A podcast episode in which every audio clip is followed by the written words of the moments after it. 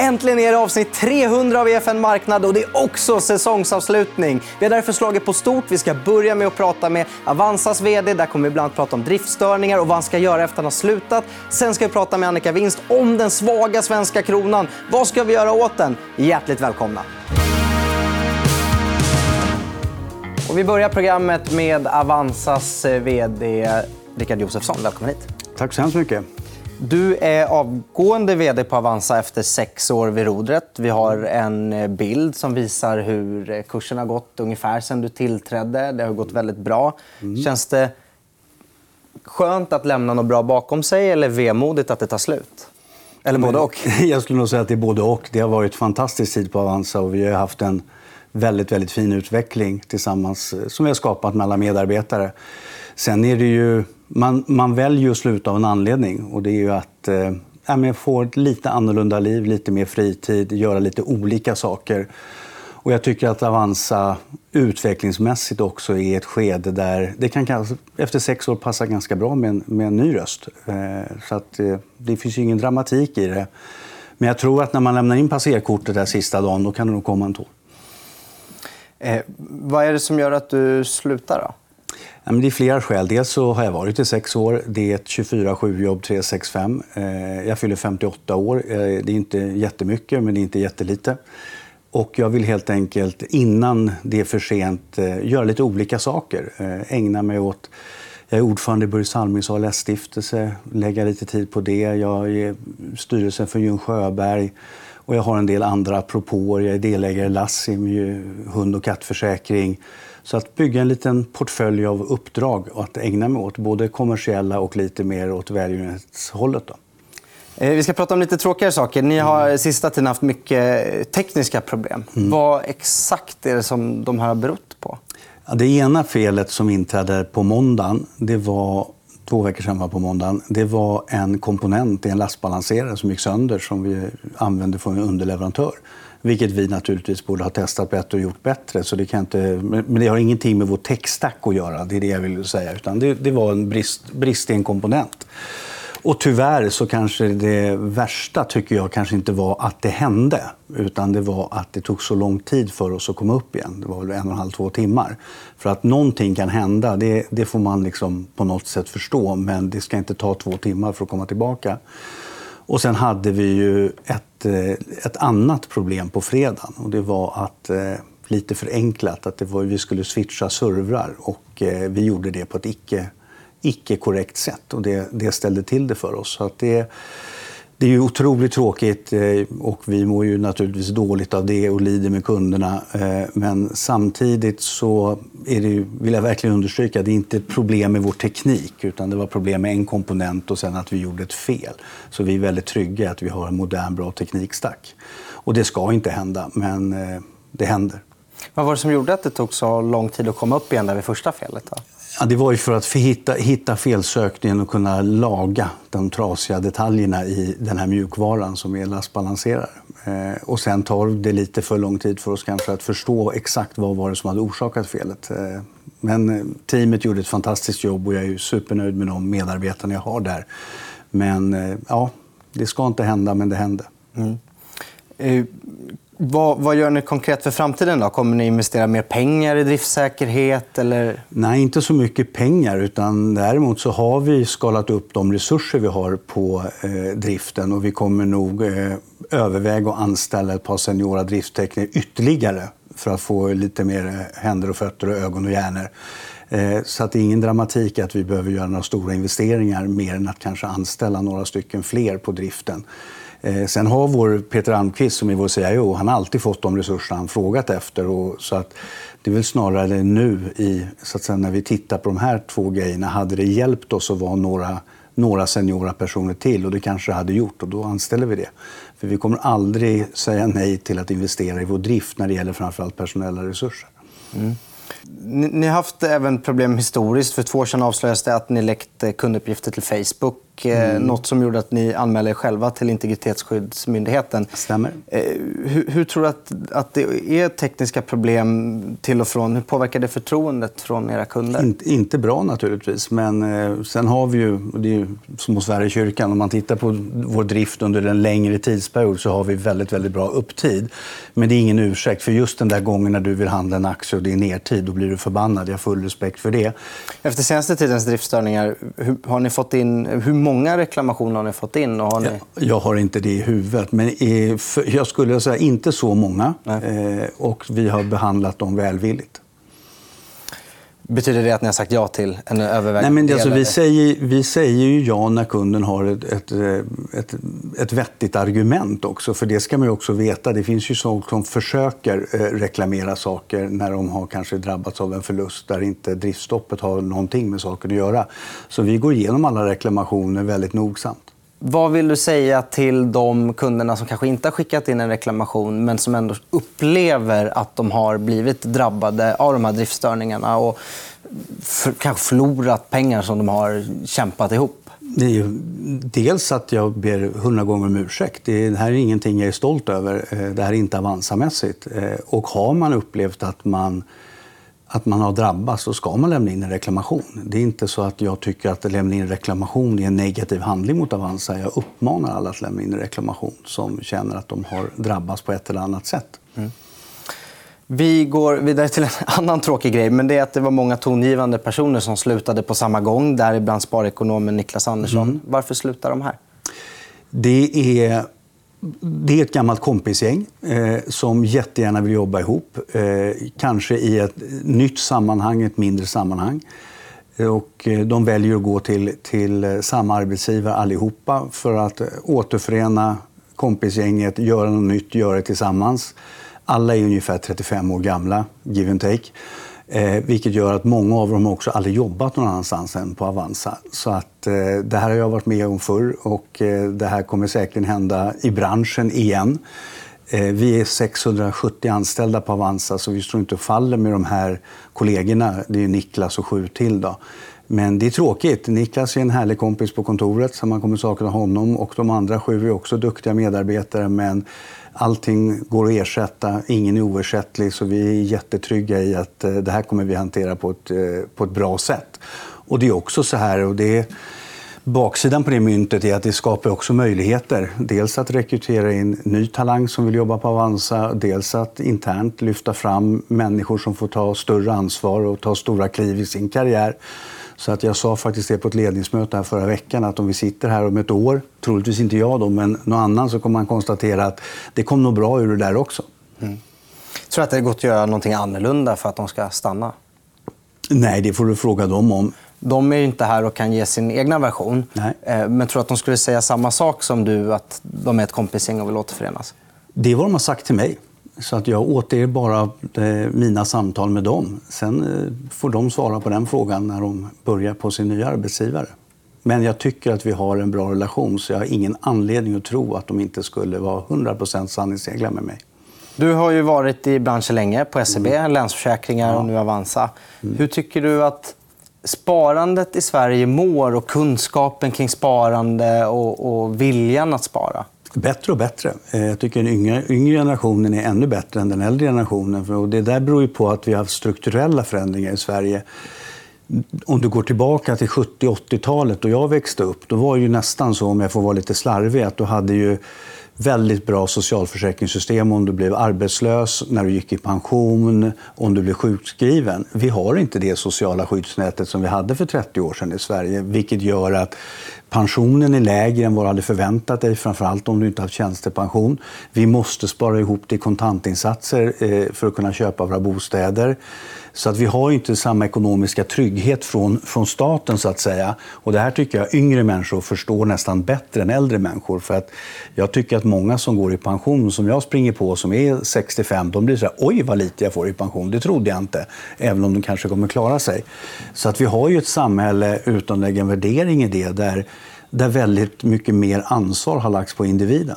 Eh, och det här har skett över lång tid. Och det gör ju att ett privat sparande idag är jätte, jätteviktigt för att skapa trygghet i hushållen. På tal om, om hushållen, den snabbt höjda räntan pressar ju många hushåll nu. Absolut. Eh, tror du att de klarar den räntan vi har idag långsiktigt? Och, och ser ni att räntorna pressar folks förmåga att kunna stuva undan och spara pengar? Det som har överraskat mig under, under så att säga, sen vi började få ränta igen i Sverige det är att hushållens motståndskraft har varit ganska bra. Vi hade ju, det kan jag kommentera, första kvartalet i år, så hade, eller per den sista maj som vi har släppt siffror på, så har vi 28 miljarder nettoflöde. Det vill säga att man har sparat 28 miljarder, liksom vi har ökat sparandet med 28 miljarder på vår plattform. Vilket är en jättestark siffra. Och jag tror vi tog 23 procent av eh, sparade tillväxten i Sverige under första kvartalet som var 72 miljarder. Men det är självklart så att sparkvoten går ner generellt sett. Eh, samtidigt som folk börjar på något sätt växa in i de högre räntorna. Sen ska man ju veta att om du tittar på Sverige i stort så är ett snittbolån det är inte 10 miljoner och du bor inte på Östermalm i Stockholm. Så de flesta hushåll tror jag kommer kunna hantera det här ganska bra. Men det som oroar mig lite grann kanske, det är när jag pratar med människor som säger att jo, men jag kommer kunna hantera de här 4,50 bolåneränta, det är lugnt, men sen kommer det komma tillbaka ner till 2% Det oroar mig lite grann, för att jag tror inte vi är där. Jag tror att vi kommer se Sen om det är normal bolåneränta på 3,5% eller vad den är. Men det här när vi satt och betalade 1 på våra bolån, det kommer inte komma tillbaka. Några som, som däremot verkar oroliga eh, är ju utländska investerare med tanke på att den svenska kronan är, är svag. Mm. Eh, vad, vad, möter du för oro och funderingar kring, kring svensk ekonomi när du är ute och pratar med kunnigt folk? Ja, men det är ju framförallt så är det ju kronfallet som är, är väldigt jobbigt tycker jag för Sverige av, av många olika skäl. Eh, det andra är ju att omvärlden just nu är ju väldigt orolig för, svensk, eh, alltså för svenska fastighetssektorn. Med de utmaningar man ser här med turbulensen i SBB och sänkta kreditbetyg och kommer banksystemet kunna refinansiera det här? Och jag var ju med på fastighetskrisen på 90-talet eh, och då var det ju liksom lite samma snack. Men då hade vi en riktig fastighetskris som fortplantades in i banksystemet och faktiskt knäckte ett antal banker. Men skillnaden var att vi gick in i den krisen med LTV på 90% på kommersiella fastigheter. Vad är LTV för någonting? Alltså, det är belåningsgraden. Man hade kanske köpt en fastighet för 10 miljoner och lånat 9. Nu ligger belåningsgraderna betydligt lägre så det finns en motståndskraft i, i banksystemet som kommer kunna hantera det här på ett bra sätt. Däremot så kan ju ägare och aktieägare få en ganska jobbig resa framåt. Och det har vi ju sett exempel på redan nu. Men omvärlden tror att det här med kommersiella fastigheter är en liten tickande bomb och de vågar inte riktigt tro på att det här inte kan utlösa en kris och då positionerar man sig för det. Vi har ju sett en del blankningar öka i storbanker etc. Eh, så att det här är ju... Tiden vill utvisa vem som har rätt, men jag är inte jätteorolig för för systemet eller den finansiella stabiliteten på grund av det här. Även om det kan bli en jobbig tid. Mm. Betryggande i alla fall att du inte är så orolig. Tack så mycket mm. för att du kom hit, Rickard Josefsson. Tack för att jag kom hit. Då har vi en ny gäst i studion, nämligen Nordeas chefekonom Annika Winst. Välkommen hit. Tack så mycket. Vi hade precis Avanzas vd Rickard Josefsson i studion. Vi pratade lite om, om eh, räntorna och hushållen. Och, eh, det för mig osökt in på just att eh, Fed och ECB båda har ganska nyligen kommit med räntebesked. Vi kan börja med amerikanska Fed som lämnar räntan oförändrad men flaggade för två ytterligare höjningar. Men om man ser det behovet redan nu, är det inte konstigt att man, att man väntar med att höja? Läget är väldigt svårbedömt. Det är svårbedömt för dig och mig, men det är också väldigt svårbedömt för centralbankerna. Och eh, Fed har ju höjt väldigt mycket på kort tid. Och eh, det de signalerar är att nu vill man vänta och se lite vad det får för konsekvenser. Och att de då säger att de ska höja senare betyder ju inte att de kommer att höja senare. Utan det kan ju vara så att nu biter faktiskt det här så mycket att de här höjningarna som de signalerar, eh, de uteblir helt enkelt. Sen, för en centralbank så är ju också det en signal. Om man säger att det kommer mer så kan ju det trycka till ekonomin och arbetsmarknaden utan att man behöver göra nåt. Så det kan ju också vara lite taktiskt i, i det hela. Men jag tror att det är en genuin osäkerhet. Och det som Fed också tog upp det var den här bankturbulensen som har varit i USA. Eh, och eh, de ser väl inte att den eskalerar, men de, de är ändå lite vaksamma. Och det tycker jag är klokt. Mm. Så du tycker att det är klokt att de väntar och pausar och ser också om räntorna, räntehöjningar börjar bita? Ja, jag tycker det är klokt. Och jag har ju länge sagt att jag tycker att Riksbanken borde ha varit mer försiktig och avvaktat. Sen är den amerikanska ekonomin starkare än den svenska. Så att, eh, eh amerikansk ekonomi är förvånansvärt stark och inte minst arbetsmarknaden är förvånansvärt stark. Så det är ju en signal till Fed att de kanske behöver fortsätta mer än vad man trodde när de började sina räntehöjningar. Mm. ECB avvaktade inte. De höjde 25 punkter. Tycker du att det var konstigt att de inte gjorde som Fed eller var det ganska väntat? Ja, det var väntat. Eh, de ligger efter. De började höja senare och har inte höjt alls lika mycket. har inte lika hög räntenivå. Och de är bekymrade över inflationen. Inflationen i USA har ju toppat och tydligt gått åt rätt håll även om den fortfarande är för hög. Medan det är ganska nyligen som den toppar i euroområdet och därmed också då en osäkerhet om det är mer varaktigt eller om det finns en risk att den, den biter sig fast. Så att det var väntat eh, och det var rimligt att eh, ECB skulle höja. Mm. Vad tror du om Sverige? Då? Du nämnde att du tycker att Riksbanken borde vänta och se. Är du rädd att de inte gör just så? Ja, fast nu har det ju kommit till ytterligare parametrar. och Det är kronan. Eh, jag tyckte att man kunde vänta till april. Då eh, såg vi tecken på att inflationen tycktes ha toppat. Eh, man ser tendenser i ekonomin, att delar av ekonomin bromsar, alltså det som Riksbanken kommer åt. Om man tittar till exempel på hushållen, privat konsumtion och så vidare. Men det som har hänt efter den här bankturbulensen, när Fed tog ett steg tillbaka, det var ju att när Riksbanken gav sitt senaste besked så gick det bara några veckor. Och sen började kronan bli ordentligt mycket svagare och är riktigt svag. Och jag skulle säga att det är vår största utmaning just nu, att vi har en så svag växelkurs. Vad är det som gör att den är så svag? Då? Det är flera olika parametrar. Men om man ska ta ett lite längre perspektiv eh, så har ju Riksbanken före Thedéens tid, eh, när Stefan Ingves satt där, under lång tid använt kronan för att få upp inflationen. Alltså man hade ingenting emot att kronan försvagades. Så när en centralbank gång på gång skickar den signalen och utländska investeringar då bränner sig. Eh, svensk ekonomi såg bättre ut, eh, de testade och så förlorar de pengar. Ja, då lär man sig det. Så då, då avvaktar man. och Man vill helt enkelt inte äga kronor. När då nästa centralbankschef går ut och säger att eh, han föredrar att se att kronan är stark, ja, då blir det lite grann upp till bevis. Att försvaga en växelkurs det är väldigt enkelt. Det är bara att trycka mer pengar för en centralbank. och Ingen kan gå emot, för det är bara de som kan trycka pengar. Men som Erik Thedéen säger att jag vill ha en starkare växelkurs. Alltså, det finns ju en uppenbar risk att det finns de som vill testa honom. Så varje gång han säger det så måste han på något sätt bevisa. Och beviset är ju högre ränta, vilket är problematiskt då svensk ekonomi är så räntekänslig. Så att det är liksom grunden här att centralbanken har faktiskt under många, många år eh, låtit kronan försvagas och då är det svårt att vända det. Sen är det också så att vi är en liten öppen ekonomi som många andra. Och är det stökigt i världen då vill man inte äga eh, småvalutor helt enkelt. Så där drabbas vi ju på samma sätt som, eh, som många andra. Och då finns det de som ofta jämför med andra länder. Man kan titta på Schweiz, man kan titta på Norge och så vidare. Men mm, då måste man vara lite noggrann vad man tittar på. Och vi har två inhemska risker som man vet globalt. Och den ena är bostadsmarknaden och den andra är kommersiella fastighetsmarknaden. Och nu är det väl framför allt kommersiella fastighetsmarknaden som bubblar där ute. Och varför ska man köpa kronor idag? Risken är ju uppenbar. Det är en liten valuta och du har två inhemska risker. Ja, det är svårt att säga. Och det talar väl för att kronan kommer att vara fortsatt svag under en lång tid. Blir det inte lite jobbigt moment 22 då också när man å ena sidan vill, behöver, eller bör höja räntan för att stärka kronan den vägen. Men å andra sidan har man ju den risken då med fastighetsmarknaden som kanske blir ännu läskigare med högre räntor eftersom att de pressas så hårt av just högre räntor. Ja, det är väl också det skälet som jag har sagt att man ska vara lite ödmjuk. Man har höjt väldigt mycket och hela svenska ekonomi är väldigt räntekänslig. Det är inte bara kommersiella fastighetsmarknaden utan det är också hushållen som är väldigt räntekänsliga. Och därför behöver man vara lite mer eh, försiktig och avvaktande. Eh, samtidigt så är det svårt när kronan är så här svag att inte göra nåt. Jag tror dock att det är är en risk om Riksbanken går ut att man faktiskt får aktörer globalt som börjar testa oss. Och där skulle finansministern kunna träda in. Eh, och eh, från det hållet har det varit väldigt tyst. Man har inte pratat krona. Men de skulle, man skulle kunna tänka sig att de går ut och säger att vi ser vad som händer och vi tycker inte om det.